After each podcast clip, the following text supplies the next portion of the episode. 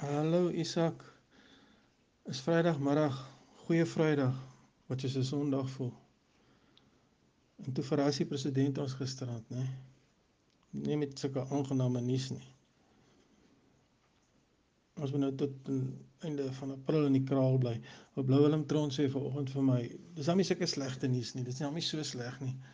Ons is op 1 Mei weer vry en 1 Mei is 'n vakansiedag. Mens moet seker nie te veel betekenis in sekere gebeurte, weet gebeurtenisse inlees nie. Daar is seker iets soos toeval. Alhoewel hoe ouer mens raak, nee, hoe minder begin jy glo in toeval. Maar vir my is dit nogal heel betekenisvol as Christen of 'n erg wankelende Christen. Is dit heel betekenis dat hierdie inperkingstyd saamval met die met die Christelike lydingstyd. Gisteraand was histories die aand waarop Jesus die laaste keer saam met sy disippels geëet het. Die oorsprong van die nagmaal. Ons ook gisteraand waar president Ramaphosa ons gevra het om nog 2 2 weke aan te hou met hierdie inperkings en hierdie hierdie afsondering. En ek weet wil dit nie banaal laat klink nie, maar op 'n manier is dit nie asof hy ons gevra het om elkeen maar weer ons eie kruis op te tel en saam te stap nie. Daar is nogal vir my iets daarin. Want ja, ons is ook mos maar op 'n manier voer ons ook telkens daai storie op van hom om die kruis op te tel en en te dra vir onsself en ook vir die mense rondom ons. Ja, ek sien net nou op Facebook 100 gemeente. Ek sien op Facebook se se se se ehm op Kerkbode se blad op Facebook, op die Kerkbode se blad. Daar's 100 gemeentes het internetdienste gehou vandag en daai dienste het meer as 18000 besoekers gelok. Besoekers let wel nie kerkgangers nie. Ek dink hulle sê die wêreld gaan ons nou baie ons almal besef het dink ek net die wêreld gaan op baie maniere anders word na hierdie ding, anders wees. En miskien is dit een van die dinge wat vir gaan verander is hoe die manier waarop kerk gehou word. Ek sien jy het vanoggend ook op jou op jou Facebookblad 'n nagmaalsbediening geplaas. Ja, miskien is dit hoe dinge toenemend in die toekoms gaan gebeur. Nooit weer daai droewige klank van 'n van 'n pyporgel wanneer jy hierdie kerk instap nie. Geen bank wat weer sal kraak as so groot tannie gewoonlik tannie kleintjie voor jou kom sit nie. Daai reuk van 'n kerk, né? Meubelolie en vermuismis en vroom gebede. En op 'n manier is dit so verweef met mense ervaring van kerk toe gaan. Die reuke en die klanke. Maar miskien sê jy dit nou in jou eie huis meer beleef, né? Ek moet bieg ek kon nie vanoggend aan daai nagmaal op jou op jou Facebookblad deelneem nie en dis niks persoonliks teenoor die predikant of wie ook al nie. En gisteraand het die NG Saldanha my gemeente ook so 'n nagmaal gehad oor Zoom. En ek het so aangemeld hier op my rekenaar, maar ek het weer afgemeld.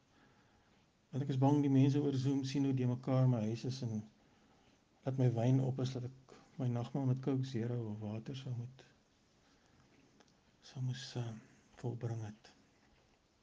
Ek spot nie ek sê net ek dink mens sal gewoond raak aan hierdie idee van hoe dinge verander en hoe die wêreld verander. Ek maar vanaand in my hart nagmaal hou. Wanneer ek skelm met my honde helaas in die donker langs die see gaan stap. Hey, ons praat weer. Isak, ek hoop alles is mooi daar by jou. Ek hoor ou Christo hier bo die skilder sê sy pineappelbier is, is omtrent reg. Ek hoor oral mense praat van pineappelbier brou en ehm um, gemmerbier brou. Jy kan glo dit op YouTube leer almal koop rosientjies. Miskien is rosientjies die nuwe Miskien is rosientjies die nuwe toiletpapier. Ons praat my vriend, mooi aand, liefde, bye. Jy luister na Nuuspot, die tuiste vir Afrikaanse stories agter die nuus. In die advertensie gleef.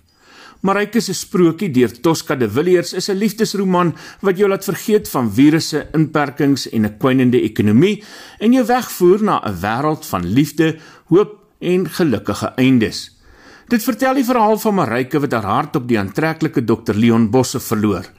Gaan die twee bymekaar uitkom? Jy kan die boek tot einde Mei gratis op Kindle Unlimited lees om uit te vind. Terug na ons program.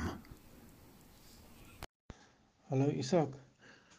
Net nou stuur Henry, een van my vriende op die dorp vir my 'n 'n WhatsApp. Caesar is dood. Nou Caesar is onttokkend aan Rihanna se hond. So ou labradoragtige ou brak. Hy was al oud, Caesar. En om tog die veearts gebel maar Marlies wat ook hier op die dorp bly en ja, sy moes vir Caesar uitsit. En dan Rihanna huil, kan ek my voorstel en hom tog huil binne toe. Is al twee oud die met hom Rihanna. Dan Rihanna hom tog is al oud en um, hom tog toe vir Henry kom haal by die huis om 'n gat te grawe en hulle het nou pas vir Caesar begrawe in die gat. Ai my vriend, en ek wil so toe gaan maar mag nie en as ek daar kom, sal ek in elk geval nie vir tannie Rihanna 'n drukkie kan gee nie. Dit tref 'n mens nou, nê. As iemand naby jou of iemand wat jy geken het nou moet sterf en daar's 'n begrafnis. In die eerste plek sal almal dit nie kan bywoon nie. En, en as jy dit kan bywoon, sal jy nie eers vir die vir die wat hartseer is 'n drukkie of of iets kan gee nie. Jy raak so of of verdrietig in in in in in in die wewenaar oom se se rigting waai en sagte dinge vir hom taamlik hard sê. Ek dink 'n mens het 'n natuurlike behoefte om fisiek aangeraak te word. Wanneer jy verdrietig is en ook wanneer jy bly is. Dis asof hierdie virus mens nou daarvan ont, dit ontneem 'n mens daarvan. So gaan dit. Dalk is daar ergens 'n les in wat ons moet leer. Dat ons woorde miskien meer opreg moet wees, ek weet nie. Wat kan ek verder sê? Rustig hou Caesar. Dit is dan wonderlik dat mense daarmee nog aan honde kan raak. Vanoggend ek my 5 koerante loop koop het, by daai straat brak gekry daar in Saldanha, daar's 'n paar van hulle. Sulke vaal manne. Ek hoor die ouetjie vryf maar het julle as weggehardloop. Lekker my vriend, ons praat weer. Mooi bly. Bye.